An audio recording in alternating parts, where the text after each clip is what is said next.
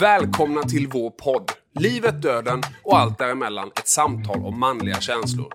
Vi är så tacksamma för att kunna presentera ett antal partners redan säsong 1.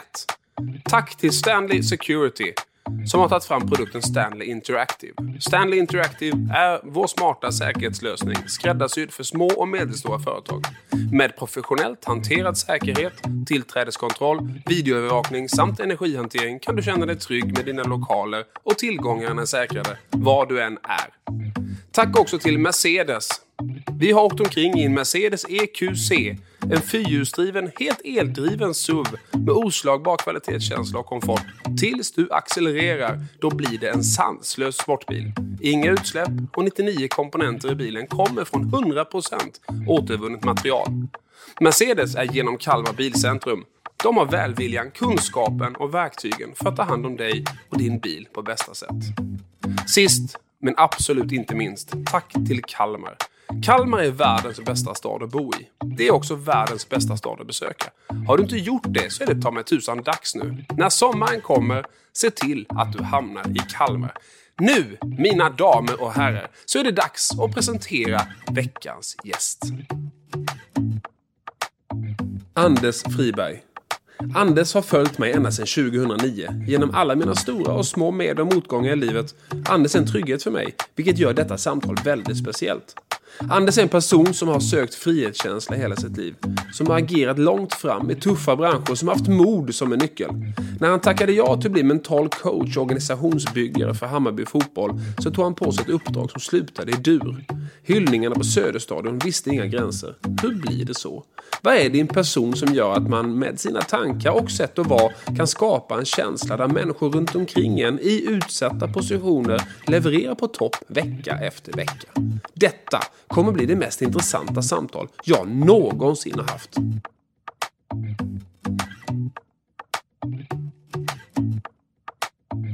What's wrong with boys that we can't admit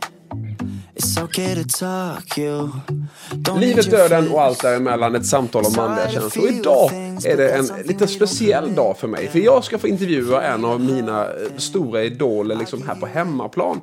Som varit med mig eh, i mitt liv sedan 2009 när vi träffades första gången. På en nätverksresa till Polen faktiskt av allting annat. Kammersund Promotion gjorde en massa härliga saker. Eh, bra nätverk för övrigt. Eh, och där skapades många av mina kontakter. Och där träffade jag bland annat dig. Anders Friberg, välkommen till denna podd. Tack så mycket. Läget? Jo, det är bra. Det är härligt. En fin dag idag igen. Vi är på Öland idag. Eh, I ett sommarparadis. Eh, Kolonilott som jag ja, kallar det. Ja, jag kallar det paradis. Det är ju så häftigt här. Vilken utsikt vi har över havet. Bakom kameran här så är det liksom havet nere och det är en potatisåker och det är en fruktlund och det är bastu och det är väldigt, väldigt mysigt. Här har ni skapat ett paradis på riktigt.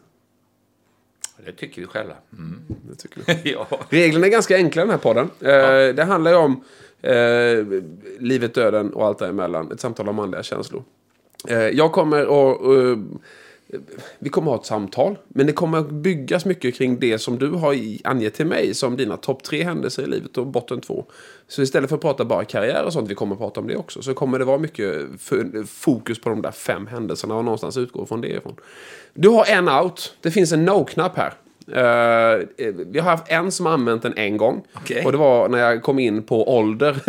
Då är det så här, Oh, Så du har en out. Är, är, det, är det, bra för din podd att jag använder den? Liksom blir det, Nej, det, det snyggt? Det spelar ingen roll överhuvudtaget. Jag, jag går på känsla. Alltså. Du går på känsla. Känner du så här, det där vill jag inte svara på. Ja, då, då är det, det no. Får pröva? Ja.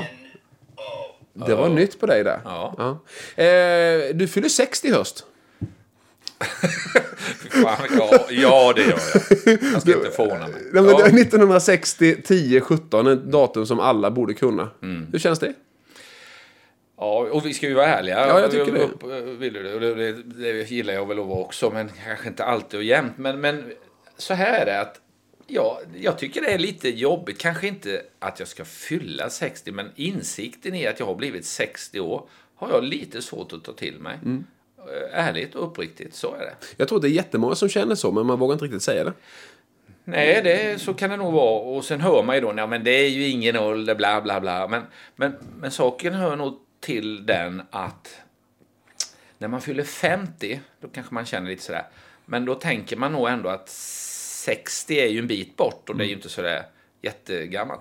Men när man fyller 60 så är ju 70 inte så långt bort. Va? Och det känns ju betydligt mer främmande. För, för folk dör ju där någonstans. Fast då tänker jag så här, jag har ju ett antal kompisar som är mellan 70 och 85. Ja. Som är, alltså, helt med. De driver bolag, Ja. de eh, driver några av Sveriges största evenemang och sådär.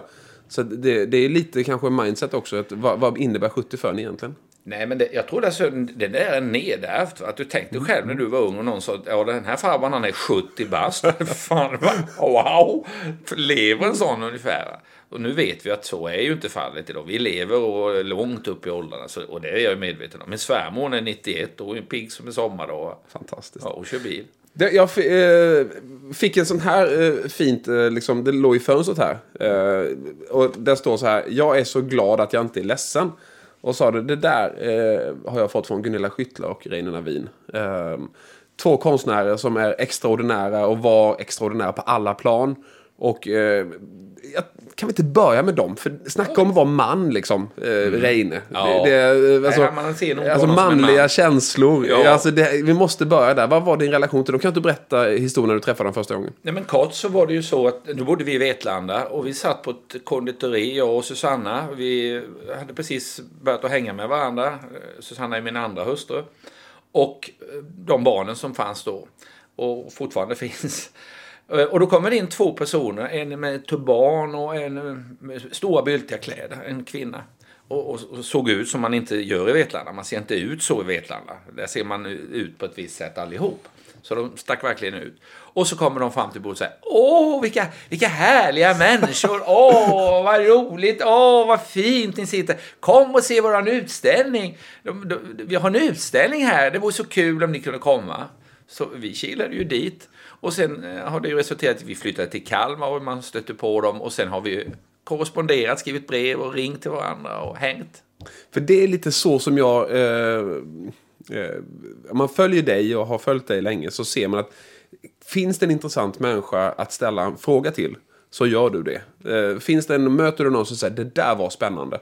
Då vill du veta mer. Och då vill du gärna ta dem till din del i samtalsrummet här och sitta och ljuga och prata och skapa nya infallsvinklar på ditt liv. Det, det är så Jag som jag med. tolkar dig, eller?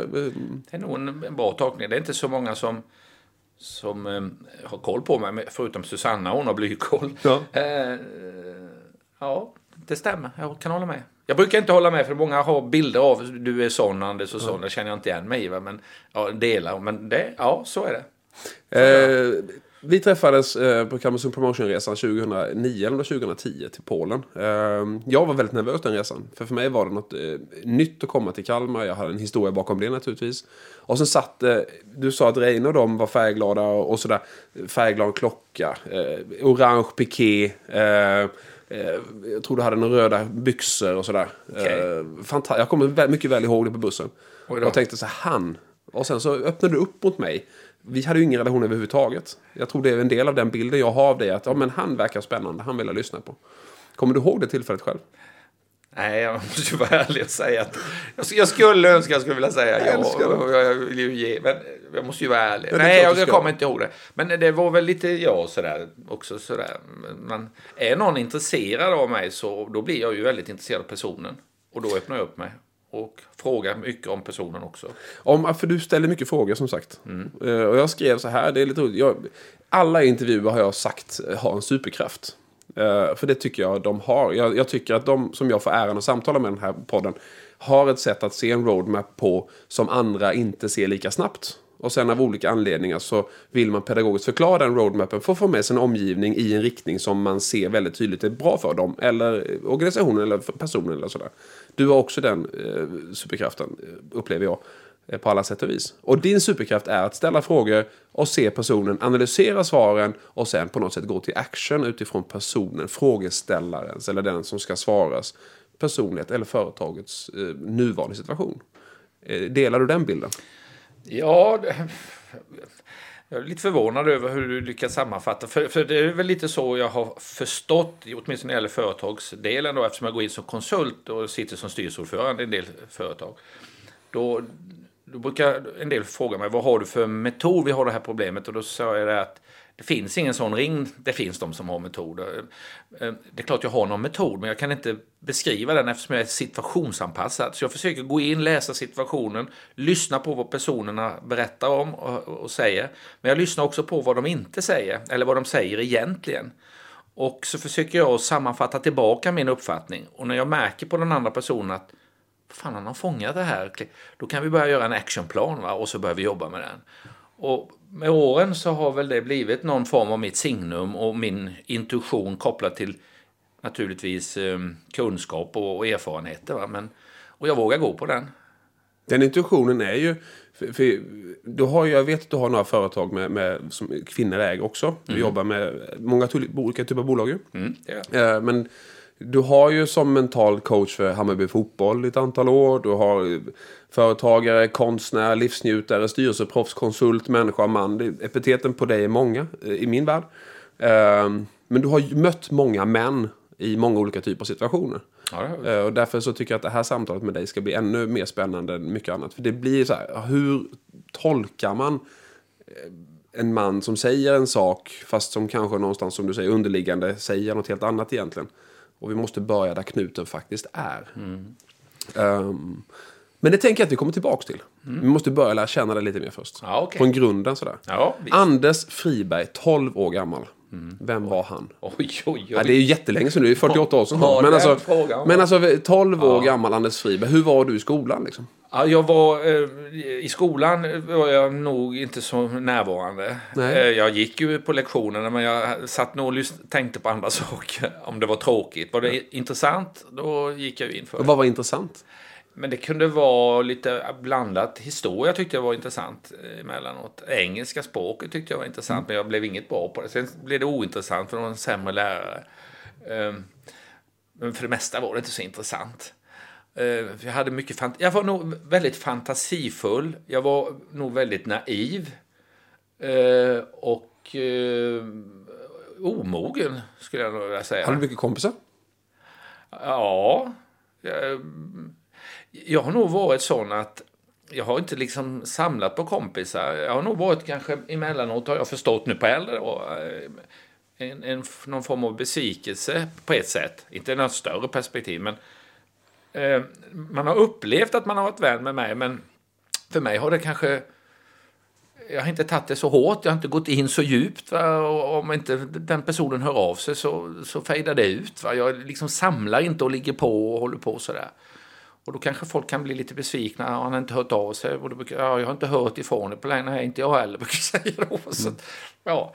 Um, så jag, är väl inte, jag har väl hela tiden gått vidare. Men jag visste jag hade kompisar. Mm. Men du var likadan ungefär om du tittar tillbaka på ja, 12-åriga Anders liksom? Ja, eh, som jag är idag? Ja. Nej. Nej. men jag menar utifrån perspektivet med vänner och det. Ja, att du, ja, du hade en egen det, agenda så att säga. Ja, det fanns en sak där som kanske präglade min, om jag ska om det nu är intressant. Ja, är Men som präglade min barndom då. Och det var att, att jag levde två liv kan man säga. Eh, för jag växte upp eh, i folkhemmet på Industrigatan. Min mamma kom från en borgerlig miljö och min pappa kom från enklare förhållanden. Mm. Och på min mammas sida så hade man affärsrörelse och grejer nere i Vetlanda. Och man hade salonger och alltihop så här stora grejer. Men pappan trivdes inte så bra där så vi flyttade ur den eh, klanen med mammas systrar och alla deras män och, och, så här. Och bodde på Industrigatan. Så där umgicks jag ju med folkhemsbarnen. Men jag umgicks ju också med mina mostrar och den miljön och de barnen som eh, levde där. Mm. Och efteråt, så, för 20 år sedan, kom jag väl på att av någon anledning som jag inte vet egentligen varför så höll jag de som jag bodde på folkhemmet utanför de som, som jag levde med där och lekte med där. Så att de visste liksom inte om varandra. Så jag gick mellan två världar. Jag såg inte den världen, men jag, jag betedde mig som att det fanns en skillnad, förmodligen. Mm. Eller jag vet inte varför. Det där är jättespännande, för det är kanske också en av de delarna som ändå har gjort att eh, jag upplever när jag pratar med dig att du ska kunna prata med alla människor. Eh, det finns, du, du dömer aldrig någon. Du, du, oavsett klädsel och inkomst så är alla människor liksom. Mm. Det kanske ligger där i. Jag tror det. Så har jag faktiskt analyserat det själv också. Klokt. Nej men så, så Susanne har kommit fram till omedvetet, inget arrangerat utan det blev så. Hur, det, hur var din relation med din pappa de här åren?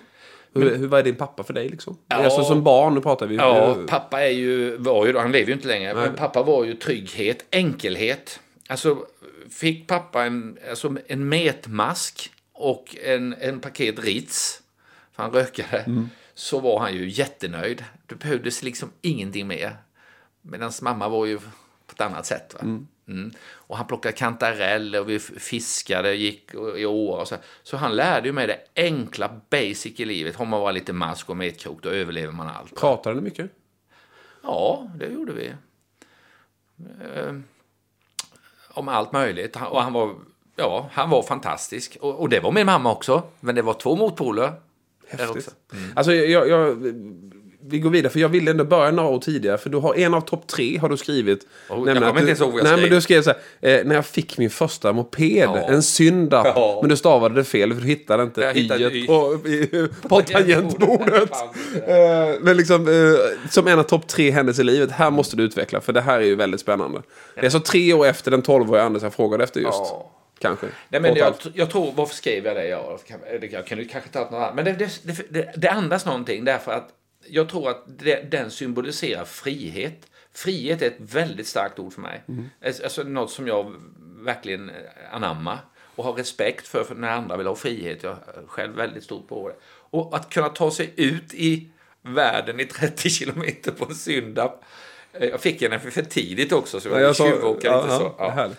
Och, och det var ju pappa då. Mamma var ju mer sådär att nej, den, inte för man fyller 15. Men pappa han, han kan ju få köra lite i trädgården och sådär va. Mm. Och det blev ju lite mer naturligtvis. Men då, jag kom ju ut i världen. Um, så att eh, jag åkte ju iväg flera mil utifrån 50-skyltarna. Eh, eh, ja, vad fantastiskt tyckte jag då. Häftigt.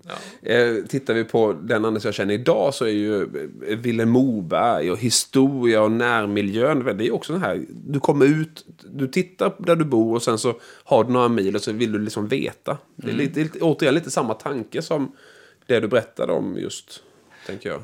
Jo, ja, men jag, är ju, jag är ju smålänning. Jag är ju djupt rotad i den småländska traditionen och fängslas av verklighetshistoria. Vilhelm Moberg, det är ju vissa delar som är fiktiva, men mycket bygger ju på källfakta. In, eh, in och utvandrarna, eller utvandrarna och sen invandrarna. Och eh, det är ju väldigt fascinerande. Jag kan ju stå och titta på ett tap och, och fundera över, här växte det upp 12 barn och de, några av dem tog sig över Atlanten och kom aldrig mer tillbaka till de här vackra tegerna här i Småland. Jag tänker så här, eh, om vi nu ska prata manliga känslor i det här fokuset så skulle jag vilja twista den sagan lite och historien lite och säga okej, utvandrarna, invandrarna, svenskar eh, tog sina familjer. Eh, jag tror, min bild av historiska, okej nu ska jag ta min familj, jag måste leverera, jag måste stå stark. Och sen har vi ändå en hyggligt stor, eh, eller en väldigt stor flyktingvärld idag.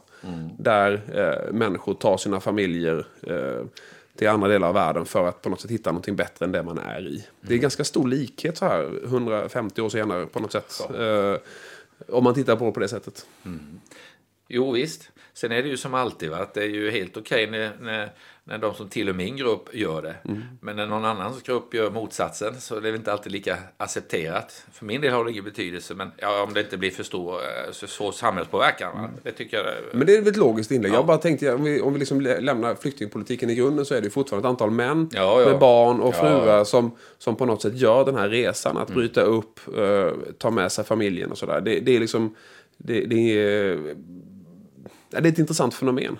Ja. Och man skulle nästan vilja känna känslan av att ha den totala paniken som det måste vara. Ja. Och ändå å agera. Ja. Och göra något och göra skillnad för sin familj. Ja, ja definitivt. Alltså, här finns ju, om vi tittar på det som pågår idag så är det ett spektra av olika anledningar. Eh, Den stora delen är ju krig och, och- och död. Va? Och, och, alltså liv och död helt enkelt. Va?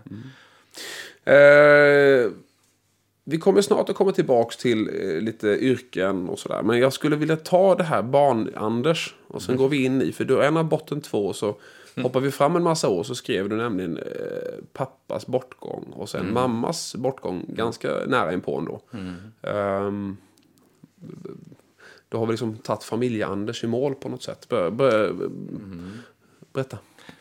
Men det, det var ju en stark upplevelse. Alltså, pappa var ju ganska oförberedd. Då var jag mitt i karriären. Jag, eh, hade, ett företag, jag hade två företag uppe i Habo som jag ägde och drev.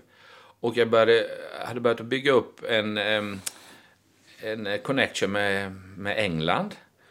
Och eh, handlade en del eh, aluminiumprofiler därifrån och förädlade det i Sverige och sålde det vidare. Så jag hade bra kontakt med ett engelskt pressverk helt enkelt. Och byggde upp de affärsbitarna. Och pang så hände det här med att eh, min storbror ringer. Eh, jag har precis kommit landat i Sverige tror jag, och säger att eh, jag vill köra pappa till, till sjukhuset. Och ehm, ehm, ja, du vet, han har ju varit lite krasslig så här, så det var väl inte mer än det.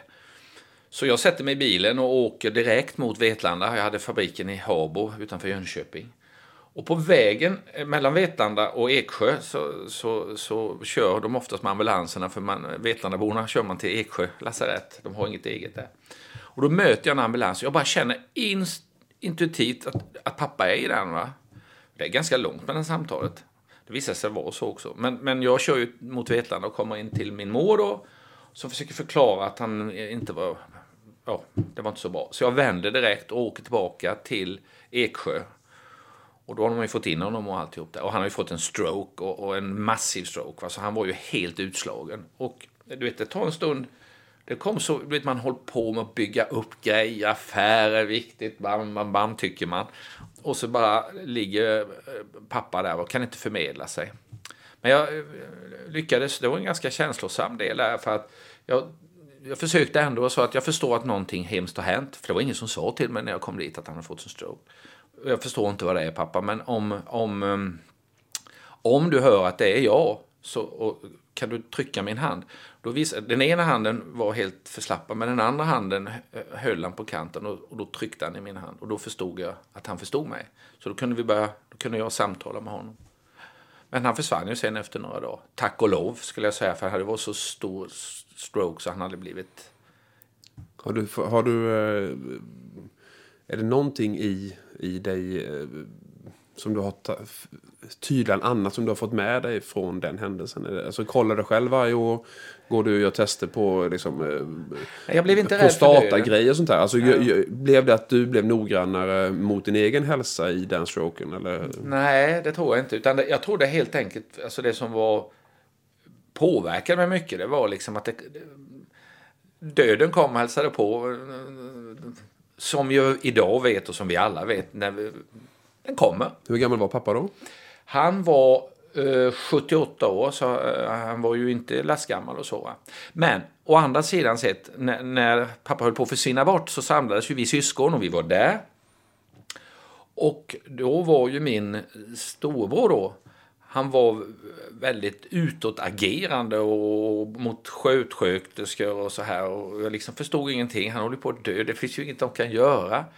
Eh, men jag förstod också att jag var ju... Jag hade sagt allt.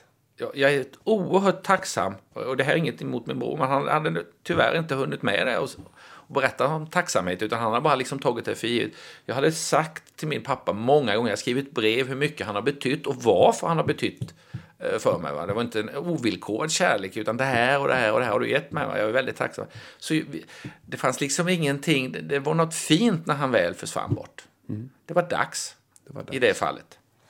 Uh, då är vi ju helt plötsligt ändå samtidigt ungefär i din, din karriär. Mm. Eller hur? Det är vi. Uh, och, 78-79, uh, du gör militären, du slutar på militären.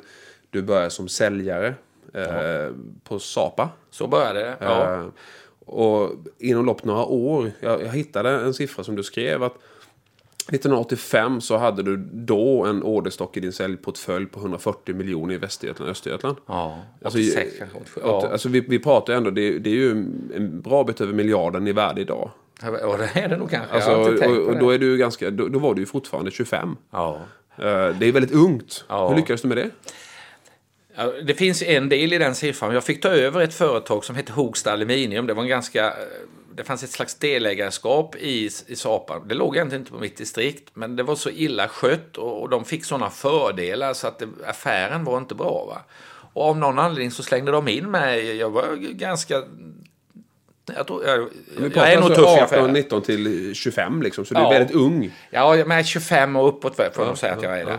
Och um, så den, den, den viktar ju ganska mycket. Men jag låg nog kanske på en eh, 80-90 miljoner före den affären. Och, Nej, jag var nitisk, fokuserad. eh, Det fanns liksom inte... Varför, om någon behövde aluminium och aluminiumprofiler så fanns det ju liksom...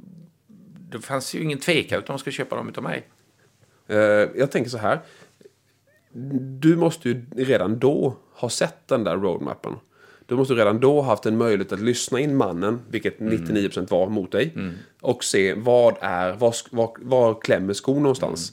Eh, Du hade ju kanske inte definierat det på det sättet då. Nej. För då hade det någon form av naturligt med dig. Ja. Eh, det, tror, det tror jag nämligen att man har. Jag, jag märker det så tydligt när vi pratar. Men du lyckades redan då förmodligen väldigt snabbt analysera. Okej, och sen så du gör vi så här. Prata om rätt saker. Komma ihåg att han hade en labrador och vad det nu var för någonting. Eh, tidigt eh, CRM-system. Alltså så här. Och sen så någonstans använda det gång på gång få affär. Är det, kan du se att mycket av det du coachar människor idag eh, mental coachning och allt det, att det landar in i erfarenhet redan från den tiden? Eh, Ja, det finns eh, klara inslag. Och lite som du sa, just det här med att komma och bekräftelse är en oerhört viktig del för alla människor. Det vet ju alla, även de som lyssnar på den här podden. Att, att bli sedd och betraktad. Inte som en strategi, utan att man gör det. Va? För att man vill. Ja, och att man är genuin. Jag kan vara helt blank. Jag kan gå förbi människor då. Då är jag liksom helt innesluten. Då är jag inte öppen. Jag går inte omkring som Reine och Gunilla, gulliga som de var, och hälsar på alla. Absolut inte. Men möts jag en blick och så möter jag tillbaka. Och är det någon som ställer en fråga eller stannar upp så... Men ibland är jag helt blank. Men som tillbaka då så så, så skrev jag ju till och med upp då, för jag har ju lite svagt med minnet. Jag är så framåtriktad, tror jag. Jag har frågat någon psykolog någon gång eller en, om jag har problem, för jag tycker inte att jag kommer ihåg. Ja, inte psykologiska problem, men kanske om jag har någon defekt. Men, men då sa man så här att nej, men du är så framåtriktad så skulle du komma ihåg allt som var. Men någonstans finns det ju. Så jag skrev upp så här, Laban har hund, fru, en liten sommarstuga vid Bolmen. Mm. Och sen när jag skulle besöka honom så gick jag, just det, det var han med hunden och sådär. Så, så sa hur är det med hunden och, och så här. Det, så det var ju någon slags rollspel, bekräftelse. Men för att göra affärer då. Men sen var det ju bara äkta vara. Sen lyssna och vara intresserad. Jag var intresserad. Jag var så kakad så jag var intresserad av all, allting man sa. Men jag kan verkligen känna igen det. När vi höll på med stadskärnan så var det ett antal fastighetsägare som valde, och i Kalmar då när jag jobbade som vd för Kalmar City en gång i tiden. Så, så var det ett antal fastighetsägare som gick in med medel. Och jag tror det byggde på att de tyckte, för jag är ju så genuint intresserad av gubbar. Och dess historia. Alltså kalla det gubbar då. Men alltså det är ju så vansinnigt roligt att lyssna på hur man byggde upp en fårskock. Och sen så hade man en affär i Polen. Och sen, du vet, jag kan ju sitta timmar och lyssna. För det, det bara berikar ju. Det måste vara en, det är en viktig egenskap tror jag för att förstå. Ja, det är det. Och, Och få något resultat. Absolut. Och skulle jag anknyta lite till det du säger bara så här. Så, alltså, jag hade ju en, en rad olika original som jag umgicks med eh, under lång tid. En, en som står mig oerhört nära heter Agne Johansson och var en fjäderfäsuppfödare utanför Bäckseda i Vetlanda. Eh, som hade följt mig under hela mitt liv. Jag var där och hälsade på honom med min pappa första gången. Vi blev bästa vänner. Och när jag hade kommit hem från min fabrik, slängt in skjortan och slips, så hade jag en gammal flakmoppe för jag bodde på Det första jag åkte ner till var Agne. Och Agne gav det dyraste han hade eh, och som finns. Han gav av sin tid. Alltid. Så man kunde komma in där bland höns och gässflockar och han gick med sina spann och stor snus och det rann här i sidan. Och så satte vi oss upp på en upp och nervänd spann och pratade en, en och en halv timme. Då fanns ingen annan värld för mig. Det här med affärer och det jag höll på med det var borta. Ja, men det där är, alltså nu pratar, eh, igen då heter ju faktiskt podden Livet, döden och allt däremellan. Ett samtal om manliga känslor. Och väldigt, väldigt vanligt förekommande i mina samtal med dig och andra gäster är samtalet. Som någon form av framgångsfaktor. Det är det gemensamma. Man lyssnar, man samtalar, man är intresserad, man är nyfiken. Och män vågar prata om allt.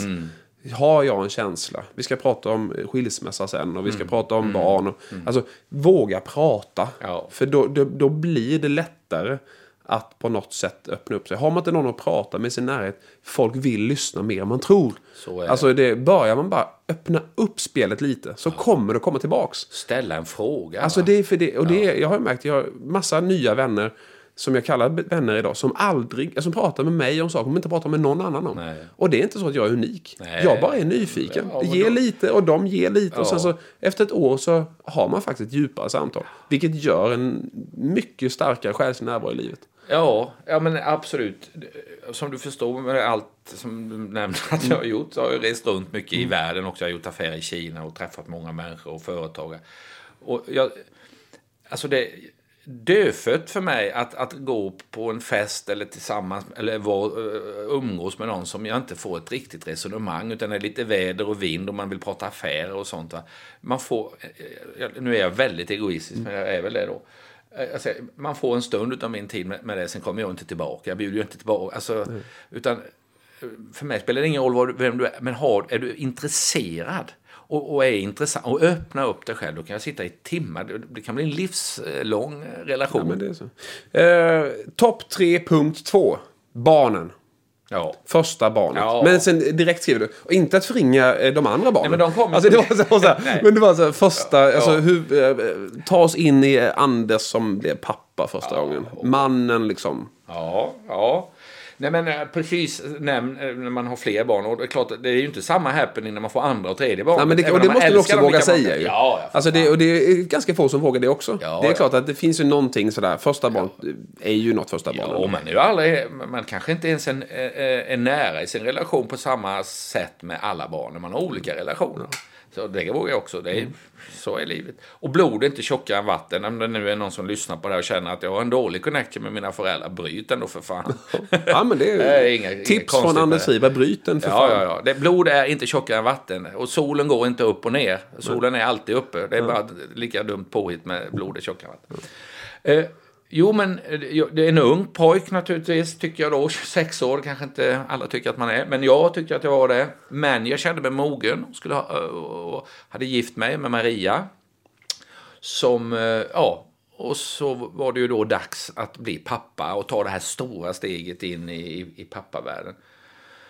Och jag hade ju bilder av, alltså jag har verkligen bilder av hur jag ville vara som pappa och hur livet skulle vara med den här personen. Sen vet vi, det har ju alla förmodligen, men, men sen vet vi att verkligheten ändrar ju sig efter, eller rättare sagt, eh, reglerna förändras ju efter verkligheten förhoppningsvis. för verkligheten blir ju inte riktigt som man har tänkt sig. Men, men ehm, det var en stor väntan och, jag kommer ihåg, det var ju satt ett datum när Joel, heter ju, eh, första pojken, skulle födas. Så jag gick och väntade och väntade och väntade. Det gick ju dagar över det här. Och jag är lite bortskämd, för jag är yngsta syskonet och bara en massa mostrar och fått julklappar och så här. Så kom ju inte den här julklappen den här dagen. Vad fan? Vad fan är det? Så till slut så låg, så låg jag i soffan helt apatisk, skäggstubbet växte sig till Maria säger men nu får du fan skärpa till dig.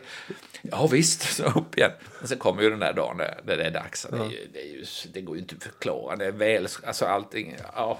För rädslan, tror du att alla människor tänker, alla pappor tänker, för man skulle, väldigt få säger det, att hoppas barnet blir välskapt, ja, som man säger. Absolut. Det finns ju ingen som inte bedyrar kärleken om det inte blir så. Nej. Men jag tror ändå alla någonstans har den tanken. Man har nog en, en, en rädsla för detta. Va? Mm. För det, det, det, det, blir ju, livet blir ju mer komplext. Mm. Det blir ju inte riktigt som man har tänkt sig då. Men Nej. sen är ju vi formbara så vi hanterar ju det med. Mm. Men det är kanske inte det vi önskar oss. Utan, nej, vi önskar en smidiga väg. En komplex och svår diskussion men jag tror att någonstans om man är helt ärlig så tror jag att alla tänker så. Ja, och sen blir det ju totalt 100% kärlek oavsett. Ja, så är det. Uh, Joel är ju en person som uh, jag har en relation till också på något sätt. Inte lika djupt som med dig. Men, men uh, han har du på något sätt uppfostrat till att bli en... Uh, ja, men ändå relativt lik dig.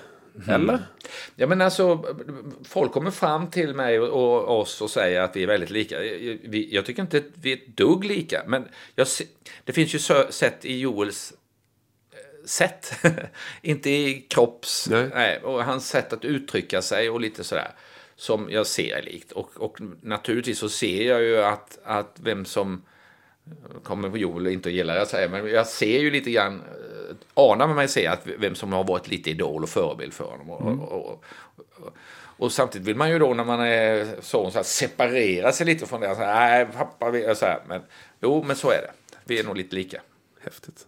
Något mer du vill prata om runt barnen och Nej, men manligheten? Vi är bra kompisar då. Det, ja. Jag kan lägga till det om man ska förmedla någonting. Men när Joel och de andra barnen kom upp så 17-18, då, hade jag, då började jag faktiskt att tänka att nu börjar de bli egna individer. Nu måste jag fan lägga band på mig själv. Och låt, liksom lyssna på dem. Inte så gå till höger, kör till vänster. Utan Jag är, jag är ju faktiskt i samma process med Ja. Alex. Ja. Han fyller 18 i Ja. sommar. Ja. Min son. Jag Ja. har en dotter som heter Ja, Ida också på, på bonusbarn. Det är samma ja. princip. Ja, det är samma princip. Det är, jag har en kompis i Spanien där jag. vi bor. Oerhört jobbigt. Ja, det är det. Och då, då måste man jobba med sig själv. För annars blir det ju en jobbig process för barnet va, som ska frigöra sig. Så att, jag tror att efter det så har vi haft en väldigt... Ja, alltså vi ser på varandra som vänner. Och är vi inte vänner så är vi ovänner en stund och sen är vi vänner igen. Inget konstigt med det. Häftigt. Eh, innan vi går in på liksom, eh, nästa eh, bottenpunkt Mm. så vill jag ändå dra varvet eh, eh, runt Hammarby fotboll.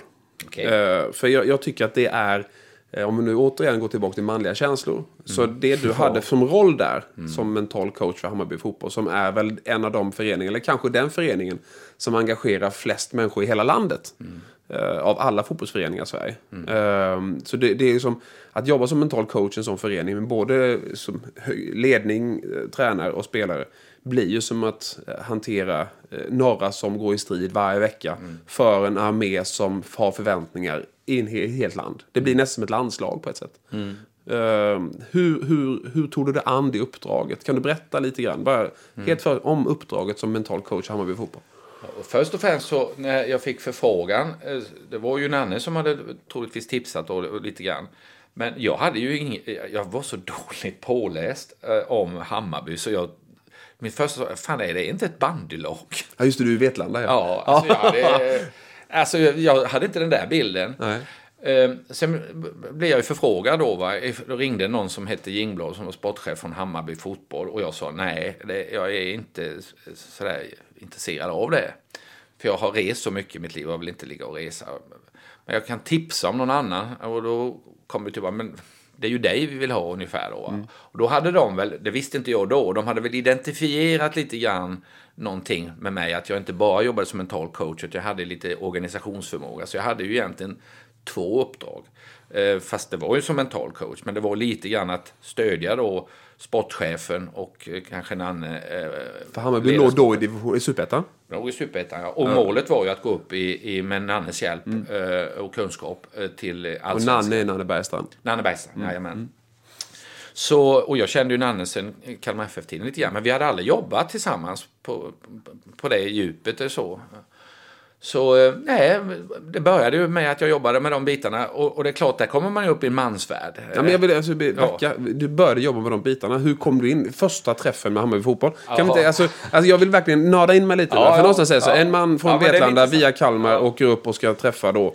Och via Nanne och Mats och allihopa säger så här. Nu ska jag komma in i den här truppen. Det sitter en spelartrupp i något teorilokalt ser jag framför mig. Ja. Och du blir presenterad som den mentala coachen. Ja. Och vad, hur gör man sen? Ja, vi, så här var det. Jag kan ju berätta ett lite roliga inslag kanske. Ja. Eh, eh, Nanne och jag vi delade lägenhet först innan jag fick en egen. Vad mysigt. Ja, vi- jättemysigt. ja, men det gick jättebra. Vi funkar bra. Och eh, vi skulle åka på ett fotbollsläger, här är min minnesbild i alla fall, till eh, Cypern. Och det var liksom det första, där skulle jag introduceras då. Och eh, jag kom ju med en väska med saker som man inte ska ha med sig på ett fotbollsläger. Det visste inte jag. Nanne sa, nu, nu härmar ju Nanne, jag tycker han är så här, härlig märkare. Det kan du inte ha, det finns ingenting det där du kan använda. Anders. Man, går i, det är som ett scoutläger, förstår du. Och det var ju väldigt gulligt, för han försökte ju introducera mig i fotbollsvärlden. Jag hade ju aldrig gått i VCT-shorts eller Nej, nej. byxor. Nu gör jag det hela Ja, det är ja. Så, och du får grejer och allting så här. Jaha, så jag hade ju slips och fan, man kanske går ut på kvällen. ja. så här, nej, bort med det. Och eh, väl där då, eh, då, det, då som först börjar liksom, hur ska jag ta, att jobba med mentalt det kan jag va. Men hur ska jag ta mig an en, en trupp? Jag hade ingen bild av det innan sådär. Vad modig Hammarby måste ha varit. Var jättemodiga och, och verkligen. Ja men ärligt, alltså, Ja. det, det, det måste ju vara lite... Alltså, många vill ju, men många gör det halvdant på något sätt. Men här gick de, de, vill, de hade en väldigt tydlig ambition att ha det här fullt ut va? Och, och, och ha mig fullt in i. Men jag identifierade ganska snabbt att det fanns lite stjärnstatus i laget. Och en stjärna hade kommit tillbaka från Lazio tror jag, eh, till Hammarby. Eh, Kennedy Bakircioglu heter han. Och, eh, men han såg det väl lite som superettan, kommer tillbaka, sparkar lite, behöver inte träna så hårt va, det börjar med. Och det där hade jag väl hört om Mats Jingblad och Nannes, eh, kanske prata lite om att vi måste få lite fyr på honom va, om vi ska komma vidare. Och då tänkte jag så här, kan jag få honom att komma till mig, då kommer de andra, för jag såg att de andra killarna såg upp till honom. Va? Mm. Så jag limmade väl lite, jag på, på med eh, säljhalten och limmade lite extra med Kennedy. 26-åriga Anders i Sapa liksom. Ja, för då blev jag det. Va? Gick tillbaka i tiden. Och, och det har ju resulterat... Kennedy kommer ju här och hälsar på oss på Öland fortfarande. Vi har ju livslång relation. Mm.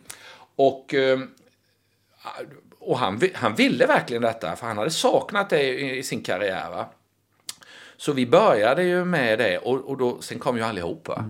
Eh, eh, och eh, det som var intressant med just Kennedy var ju just att få en tändning. För då började jag fråga honom, vad fick dig att bli så duktig som du har varit? Jag säger inte att du är det.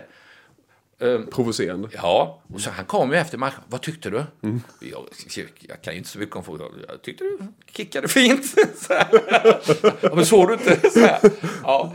Eh, Men jag tonade ju ner det där med fotboll. Och det är ganska befriande för jag försökte, och det, jag bara inte försökt, jag är inte så jättekunnig på själva tekniken i fotboll. Men det är inte min roll. Och, och, och håller jag mig utanför den så tittar jag ju på andra saker. Då växer ju den bilden. Medan det är allt för många som ska blanda sig i fotboll och sin kunskap om det. Men det har vi ju Nanne och det hade vi ju Ingblad. De sköter det. Eh, Så jag kunde bara fokusera på det mentala. Och då frågade jag Kennedy, när du var så duktig, hur, hur gick det till? Ja, men min pappa drev mig så här och så vidare. Mm.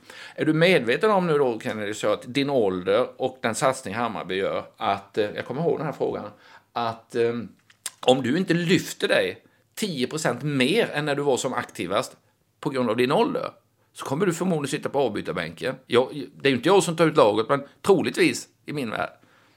Och då blev han ju så här, hur ska vi göra då? Och då började vi med att lägga upp övningar och grejer. Och då fick han en tändning och började träna.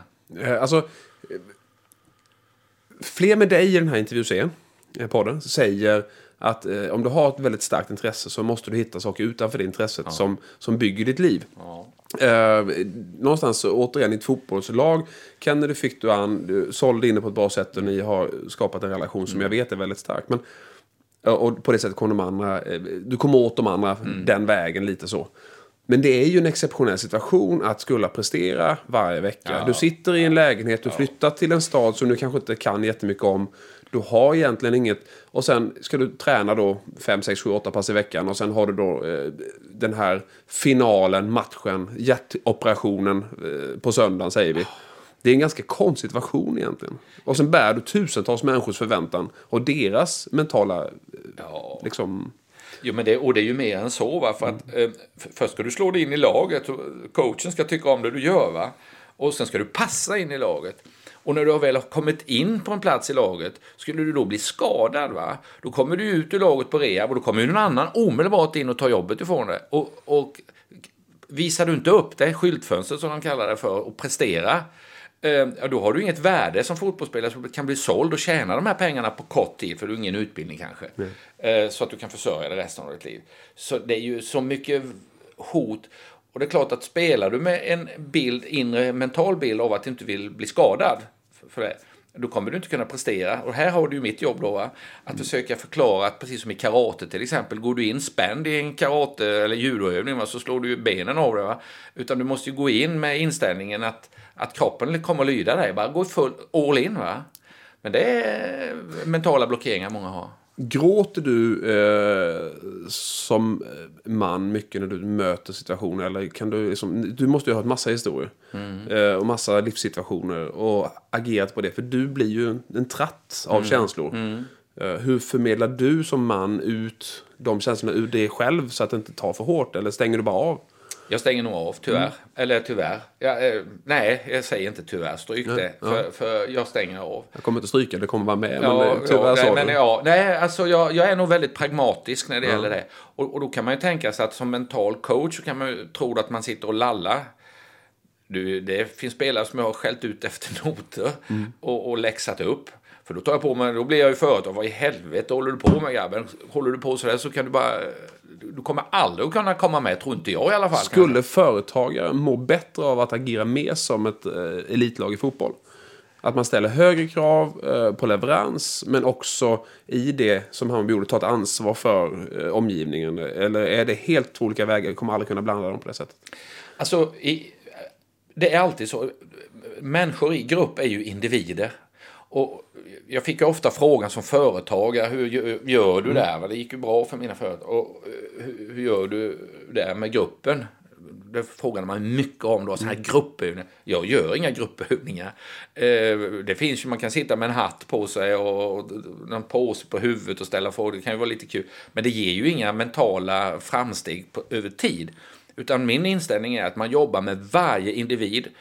Och kan man öka varje individs mentala styrka några få procent, lägg ihop det då i ett helt lag, mm. då blir ju helheten mycket större. Va? Som, men många försöker ge sig på helheten. Va? Nej, varje del måste du ge dig på. Det kräver jag. mer tid och mer engagemang. Helt Mycket enkelt. mer. Mm. Precis samma som ett företag. Se individen, lyssna på individens behov, ställ krav på individen utifrån de förutsättningar som gäller på det företaget. Eller... Mentala eh, piska morötter-diskussioner. Ja, helt vanligt enkelt. Det är hårt arbete, se medarbetarna fin. mer än vad man, vad man tar sig tid till egentligen. Ja, det finns inga genvägar för varken chefen eller medarbetaren. Men då är vi tillbaka till samtalet igen ju. Mm. Tänk på det. Vi kommer hela tiden tillbaka till samtalet. För du kan inte engagera så utan samtalet med dina medarbetare. Nej. Och då måste du bry dig om dess situation i livet, för annars så blir det platt. Ja. Uh, och, och, och då, då, är vi tillbaka där igen. Ja. Att våga vet. samtala, våga prata. Ja, ta goda och onda saker, ja. obekväma saker. Alltså, eftersom jag jobbar fortfarande då, eh, jag går ju lite under radarn, men jag blir ju anlitad lite ur företag och så Jag mm. försöker inte marknadsföra mig, för jag jobbar inte så mycket, jag vill inte jobba så mycket nu för tiden. Men jag brukar ta en sån här bild av att om man ska förändra någonting i ett företag så har du den här personligheten som, går, som är ledare, går ut och ställer sig på balkongen ungefär och talar inför dem. Nu ska vi göra så här va. Ja, jag brukar säga att, eh, lite vårdslöst uttryckt att ja, jag ska inte uttrycka mig så, men, men det, det, ger, det ger ju inga resultat. Ja, men det är som att pinka i motvind, alltså, ja. det är fullständigt meningslöst. Va? Utan om man tror att det finns några genvägar som ledare till att inte skapa balans i sitt liv och sitt ledarskap. Det är mycket, jag har ju en, en egen kurs, specialkurs för ledare som mm, är fem, fem dagars då, mm. där man bara är med mig eh, under några timmar. Och den bygger helt enkelt på att man ska inte tro att det finns några genvägar, att du kan gå ut och hålla ett brandtal, utan du måste jobba först med dig själv och ha balans, så du har tid att se varje och bekräfta varje medarbetare och jobba med varje medarbetare. Man kan säga det du säger, om jag får försöka liksom, eh, eh Maslows behovstrappa finns i alla organisationer och inte bara för människorna så att säga. Absolut. Om man bara jobbar med stora varför längst upp på pyramiden så går det inte bra. Nej, du kan inte lyckas med ett företag tillfälligtvis kan du lyckas, men du kan inte lyckas om du försöker ta igenom Du måste jobba med varje individ. Du måste ha rätt man i båten och, och, ut med de som inte ska vara där och in med de som ska vara där och jobba med de som ska vara där och utveckla dem. Topp tre. Du träffade Sanna. Ja. Alltså ni är ju fantastiska tillsammans. Det, det, är så häftigt att se, för det finns en dynamik som är magisk. Ni har era Chesterfield soffgruppen här nere som ni sitter och pratar på hela, tiden. Den är jättemysig.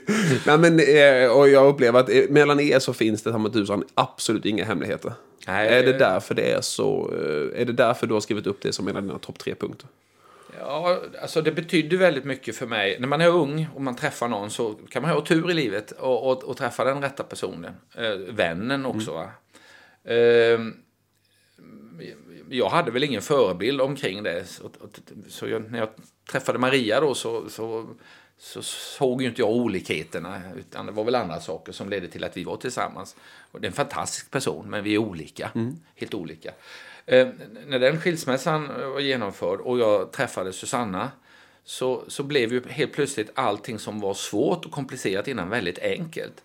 Man, alltså vardagligt så att i, andra, en annan relation så kanske man tyckte att eh, färgen på den här tapeten ska vara blå, men den andra, nej, den tycker den ska vara uh, grisrosa som skjorta. Visst är det fint? Jag älskar grisrosa. Ja, visst är det fint. Jag älskar grisrosa. Ja. Och, då säger vi att jag tyckte om att det ska... Nej, men, och, och, och då blir det en strid om en sån sak. När vi, liksom, man kan säga munnen på varandra. Jag tycker den ska vara blå. Mm. Ja. Allting blir enklare. Så att... Eh, eh, sen kom ju Susanna ut från ganska speciella förhållanden. Susanna, ehm, det råkade ju vara så då att Susannas pappa var ju han som startade och grundade Sapa en gång i tiden. Nils på väg. Och, och där har jag jobbat och varit. Och jag umgicks ju med Susanna och, sen vi var, eh, och deras familj när jag var liten, innan jag började jobba där. Så Susanna och vi träffades när vi var 11 år, men sen skickades hon ju till internatskola i England redan som 12-åring tror jag. Eh, och, och, sen försvann hon ju ut i dimman tills vi träffades igen. Eh, men det var ju en del broar att bygga där och vi hade ingen, jag menar vi var ju unga och bara lekte lite så här. Men det blev en, en stark relation har blivit och det, det, hon har hjälpt mig väldigt mycket med vissa av mina beteenden och, och hon säger, vet jag, samma sak om du frågar henne. Att nu, jag har försökt hjälpa Susanna då. Så tillsammans har det bara gjort oss väldigt, väldigt starka. Sen har vi haft förmånen, hon, jobb, hon började jobba hos mig. Jag brukar skoja och säga att det är så dyrt med arbetskraft så jag gifte mig med henne. Men så var det ju givetvis inte. Men, men sen har hon följt med på min resa. Varit med mig på kurser som vi har gått tillsammans med Skandinaviska ledarhögskolan och Lars-Erik Unestål och vi har varit hemma hos dem och eh, coach och, och, och hon använder det i juridiken. Hon jobbar ju på Ludvig och Company och, och eh, använder mycket av coachande delar och, och mentala principer. Hon har ju gått, du sa någon gång att hon har ju visat vägen i ganska mycket av det du har gjort sista åren. Alltså där hon liksom har sagt, jo men skulle du inte tänka så här? Och sen har det sjunkit in och sen har du skapat liksom Ja. pedagogiken runt det där. Ja, hon, hon läser mig väldigt bra. Ja, och och jag så- är väldigt ambivalent. Jag säger, ska jag göra någonting mer nu? Ska jag ta, nu har jag fått en förfrågan om att gå in och göra det. Nej, jag vill inte göra det. Uff, det tar på friheten. Men, mm, ja, men kanske lite. Jag- Det håller ju igång och jag har ju att tillföra. Jag vet hur man skulle göra det. jag det är vet hur man skulle fixa till Det det. är viktigt, det är Ja. viktigt. Och, då säger, det var ju som Hammarby. Jag, jag sa ju nej och då säger jag till Susanna, de ringer från Hammarby hela tiden och jag har sagt nej. Eh, och nu ringer de igen och undrar om jag inte ska börja med det jobbet. Och då säger Susanna, men Anders, du har alltid gillat att jobba med ungdomar. Ta det, vi, jag backar upp dig under ett år. Det blir fyra år. Ja, ja, naturligtvis. Det blir ju inte jättelångt ifrån diskussioner runt skilsmässa sen, för det har du som en botten två-punkt här. Och eh, jag tycker att de hör ihop, för att jag möter, jag är också skild. Eh, och när många av mina barns föräldrar är skilda, eller många av mina barns kompisar är skilda, eh, det är många som har skilda föräldrar idag. Så jag tänkte att, alltså, du har skilsmässa som en punkt och du ska få gå igenom. Sen tänkte jag att vi ska lägga en liten sekund på att prata lite manliga känslor runt skilsmässor. För jag tror att det är också en sån här punkt som ganska få faktiskt pratar om på riktigt. Utan det bara är en sanning. Men jag vet att det är många eh, eh, män som lider oerhört hårt i det. Det är en process. Ja, men det är ju det. Va, hur, hur var det för dig? För- Först främst så vill jag säga att en skilsmässa är ju alltid individuell. Va? Den, den kan bero på en mängd olika saker. Så jag har ingenting att lära någon annan, ut, ut, bara utifrån mitt perspektiv. Jag frågar efter dig som Ja, man liksom, i precis. sammanhanget och pappa. Ja, för mig var det så här då att, och i vårt fall, vi får börja där då, att jag upptäckte tidigt, eller efter ett tag, efter flera år, att eh, Maria och jag hade vuxit ifrån varandra. Vi tyckte så olika. Eh, Jag var mer utåtriktad.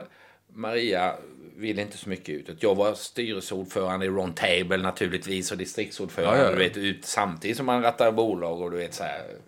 Fullt man, som man höll på då på den tiden och lafsade sig. Va? Men eh, Backa. Helt sidospår bara för det. ja, Eh, när du gjorde det alla de där åren. Ja. Eh, tycker du att du var för lite med dina barn då? Om du tittar tillbaka på det idag? Eller Nej. var det värt det? Nej, jag tyckte inte jag var för liten. Nej, jag ville bara ställa Ja, och jag vet inte varför, för jag har någon hopplös eh, bild av hur verkligheten är. Nej, men jag ville Ja. bara, jag tycker det är en intressant fråga. Ja, får du ja nej, men, det, men jag hade nog en del hjälp runt omkring.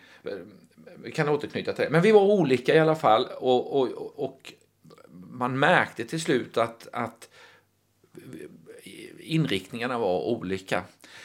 Skärningspunkten kom, jag ska berätta den, jag, brukar ha, jag har faktiskt haft med den någon gång och då brukar jag säga som en rekommendation, gör inte så för det, det, kan, det blir inte bra. Det var så här att Maria säger en dag till mig, tänk Anders när, när vi har blivit äldre, säger hon, då skulle jag vilja, och du sålt företaget vi köper en, en fin lägenhet i Spanien och så sitter vi där och, och, och har det bara gott. Och då tänker jag, ursäkta Maria om du hör det här, men då tänker jag, vad, vad, ska jag göra med, med dig där? Alltså, det, det liksom blev en, det blev en skärningspunkt. Där jag insåg att jag ser inte den bilden framför mig. Jag kan inte, jag kan inte se den med någon glädje. Vad ska vi göra? Det blir ju hur tråkigt som helst, tyckte jag då. Och hon tyckte säkert likadant, eh, ja, på något sätt. Men när hon sa det i alla fall, där kände jag att nej, men det här kommer ju inte hålla. Och det smärtsamma är ju då när man har tre barn och en, en, en familj Och jag tror bilden av oss i Lilla Vetlanda var Hollywoods lyckligaste familj. Jag har hört det där eh, dösnacket. Det, det såg vi inte själva. Men jag förmedlade väl någonting som inte fanns. Ja, Maria är inte med här på festen, men hon hälsar till er alla då. Hon är hemma och har huvudvärk.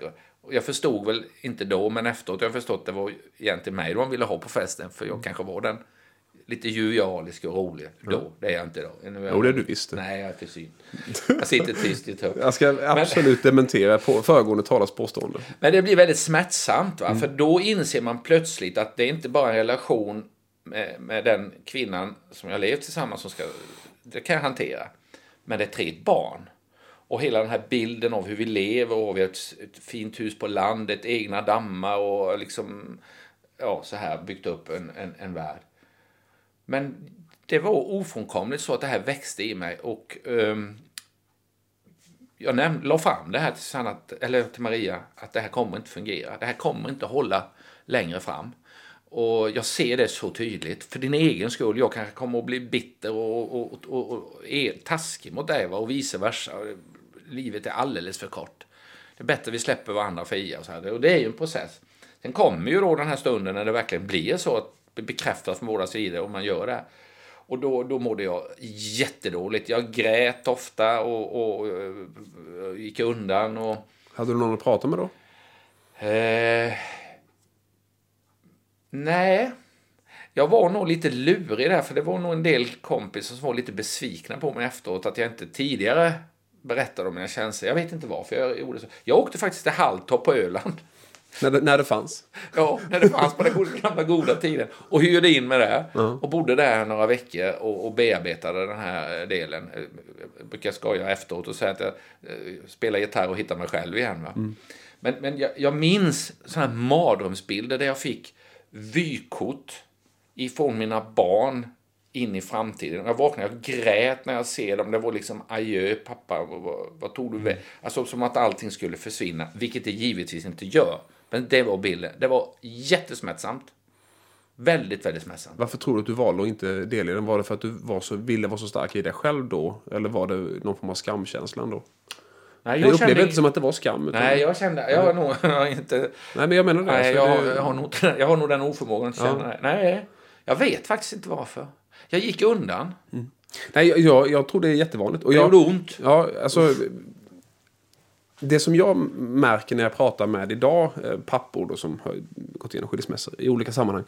Det är att det är eh, väldigt många som fokuserar på barnens alla flyttar. För det blir rotlöst. En skilsmässa leder ju nästan ofrånkomligen till tre flyttar per vuxen. Det innebär att barnen flyttar ju sex gånger Ja. på relativt kort tid. Ja. Och, och under de åren så blir barnen starka och fantastiska. Mm. Alternativt lite rotlösa. För de har liksom ingen punkt. De vet att det här hemmet bor vi bara i tillfället. Ja. Så här landar jag inte in. Nej. Eh, det upplever jag att väldigt många funderar på. Hade du sådana tankar? Ja, det hade jag nog. Nu hade vi ju, man kan säga så här att som väl var, Maria och jag var ju inte osams. Nej. Eh, Och ingen hade bedragit den andra, vilket naturligtvis underlättar. Eh, Så att eh, vi, har- vi har ju, jag menar, Maria umgås ju med Susanna och, och, och firar jul och nyårsaftnar med oss och sådär va. Eh, eh, Och har gjort de första. Och jag var väldigt noga när jag träffade Susanna att det här är barnens mamma. All heder till henne, men jag kommer aldrig att säga något. Nej. Nej, så. Och respektera det. Och det har hon alltid gjort, så det hade nog inte behövt säga, men det har aldrig varit några problem. Men så, så det har väl gjort att våra barn kunde liksom ha en form av trygghet va? Ehm, mellan varandra. Men sen kommer ju den där punkten när mamman eller pappan träffar en ny. I, i, I mitt fall var det ju kanske lite mer, ja det var jag som hittade en ny först. Man får ju, då, Japp. då går man i fronten, va? Det är jag som tar smällen på stan om man säger Ja, så. ja. Eh, aha, nu ser vi va. Men, men gentemot barnen var det ganska roligt. Jag måste berätta den lilla gulliga historien. Det, det, det är nog en toplight också. Jag, eh, det, det, vi var väldigt hemlighetsfulla i början. Jag visste ju inte om det här skulle hålla. Vi, jag, jag trodde att Susanna hon skrattade ihjäl sig åt mig på den tiden. Jag, jag trodde att det liksom hjälpte mig att ha solglasögon. Då såg ingen mig att jag kom med någon annan där som kanske skulle kunna bli den. Men det var ju bara att jag syntes ju överallt i lilla Vetlanda, alla kände igen mig. Så, hur som helst så hade vi hållit det hyfsat hemligt. Och då skulle jag, kom ju den här dagen när jag skulle välja att berätta för barnen och då började jag med min äldsta Joel och tänkte, för han visste vem Susanna var, de kände till, vi hade umgås med, med Susannas syster på landet, där på det godset de hade. Och eh, då i alla fall så, så säger jag till Joel, jag har en sak jag ska berätta för dig. Och vi ligger i soffan eh, hemma eh, i Sandåka där, jag glömmer aldrig det här. Och, så, och då spärrar han upp ögonen, och vad är det då? Ja, men pappa träffat en annan person. Och han bara liksom stirrar på mig så här. Vem är det ungefär? Och eh, då säger jag att ja, det är en som du känner och vet vem det är. Det är Susanna. Och då, då blir han precis mild så här. Pappa, det är den enda jag skulle kunna tänka mig. och du vet, kan du förstå hur mycket Oh. det betydde? Tack Joel för den. Och, och, och det har verkligen varit så. Joel har verkligen alltid hållit om Susanne. Och det har alla barnen gjort. Men hon har ju också varit ganska öppen tillbaks. Ja, det har. Och framförallt förstående, kanske den här relationen med Maria också. Då. Det, Ja. Just den här att man... Det finns ingen det, rivalitet. det, nej, men det, det är ju... Var snäll är en ganska bra värdegrund. Så är det. Alltså, var snäll. Ja. För det är ta mig tusan inte barnets fel. Nej. Var snäll. Kär, kärleksfull, snäll. Ja, alltså, det- Jag brukar ibland när jag, har, jag hade föreläsning för NCC för inte så länge sedan. Då sa jag så här, vad har jag för värdegrund? Och så ordet värdegrund, så diskuteras det sådär. Och jag Jo. sa, jag har en. Ja. Var snäll. Ja. Det är egentligen är det ganska Svårt enkelt. det För bli. resten blir ganska enkelt då. ja, det gör ju det. Sen kan man ha personligheter. Men var snäll. Ja, ja men det är bra inställning. Lite ironi och lite humor också är inte fel. Jag brukar, I början då när vi träffades kanske var lite så här. Då var Maria där och, där kan man, och då skojade jag med alla för det var ju Marias eh, dotter. Filippa har ju blivit... Jag är ju pappa för henne också. Ja, och, och det är jag verkligen. Det känns verkligen så. Um, och då um, brukar jag skoja när Maria och, och, och Susanna satte med lite champagne och jag med och så här. Hörni barn, så jag, en gång om året då samlar pappa alla sina fruar och det är på julafton och nyårsafton. och då säger de, ah, han är så kaka, vad dum han är. Och hör på honom, nu är han igång, säger Susanna och Maria. Fantastiskt tycker jag. Nej, barnen är ens barn allihopa. det. oavsett om det är bonus eller inte. Du, eh, eh, det var det och det var det och det var det. Och jag hade en så himla bra följdfråga på den. Eh, som jag faktiskt tappade nu. Ni på, jag tappade den frågan lite grann. Eh, Så är livet ibland. men skilsmässan, träffa Sanna, eh, mentala coachen, företagaren, konstnären. Ska vi... Livsnjutaren, styrelseproffset, konsulten, mannen, människan. Jag vet att vi har pratat och det var du som förde begreppet lycka eller frid in i mitt liv. Jag hade en, en promenad en gång på nästan fyra timmar, kommer jag ihåg. När vi i fyra timmar gick och pratade begreppet och lycka och frid. det ja. Eh, och den är med som stående inslag i alla avsnitt Okej. i den här podden. Ja. Jag frågar alla jag träffar, söker du lycka eller frid? Och det intressanta är att svaren har varit olika varje gång. Eh, för man tolkar frågan så olika. Varför tycker du att det är en intressant diskussion? Nej, men, det, jag förstår att du får olika svar. För först måste man ju sätta in orden i sin kontext. Va? Eh, vad, vad innefattar lycka och vad innefattar frid? Innan man kan jämföra. Men man landar ihop de där delarna. Men jag, jag förde ju det där på tal. Jag håller på eh, med en evighetsbok som kanske kommer ut 2097. Eh, om just eh, lycka och frid. Konsten att vara människa. Eh, och det är Lars-Erik Unestål som har drivit mig att, att skriva överhuvudtaget. Men jag vill inte skriva, coachböcker och sånt där, det finns så många andra som skrivit det. Jag, och, då, och då är det ju så att det jag har märkt och märkt i livet är ju att lycka är för mig då någon form av eufori. Va? Det är ju en kick. Köpa en ny bil, lycklig. Och du är ju inte olycklig. Nej. Men, men du blir ju mindre och mindre lycklig varje gång du köper en ny bil ju äldre du blir. Det, det var ju inte ens när du har rullat ut den utanför länge. Va? Men första gången så satt ju i nästan två år man körde runt och tyckte så. Så lycka är ju eufori. Frid är ju ett, en, någonting som är mer, tycker jag, då eftersträvansvärt. Eftersom för mig är frid någon form av inre lugn, inre känsla. Jag minns det där när vi promenerade, för då hade jag som mål att, kanske en fråga du ska ställa, jag hade som mål, jag vet under en tid, att inte ha några mål. Eh, och det var ju en helt omöjlighet. Men, men eh, för i, i praktiken skulle det ju innebära att man inte kommer upp ur sängen. Det är ju också ett mål att Ja, stiga upp på morgonen. Men, men ehm, lite grann få testa mig själv. Att inte jobba, inte göra någonting, inte, inte göra det. Och, och det var tufft. Det, det västerländska sättet att sätta sig i munkkloster var det ju. Ja, det var det. Alltså ja. ett försök till det, fast leva normalt i västvärlden. Ja, det är ett experiment omöjligt. med mig själv. Ja. Jag har gjort många experiment med ja. mig själv. Jag brukar säga innan till Susanna, nu kommer jag att köra det här ett år. Blir jag helknäpp så bor du på det här. Alltså, du vet, då är det ingenting på eftervärlden. Men, men eh, tillbaka till det här med fri då, så, så handlar ju det om identitet. Och ehm, för mig, eh, ja, hur hänger det ihop? Jo, man kan inte få frid om du, eh, om du förknippar dig med en identitet. Jag hör ju det här du säger, Hammarby och, och företag och så här. Om, det, om jag skulle göra det, jag blir ganska likgiltig.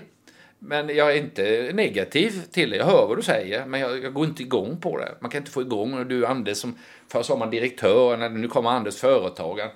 Alltså jag avskyr det, för jag vill inte fucka in mig.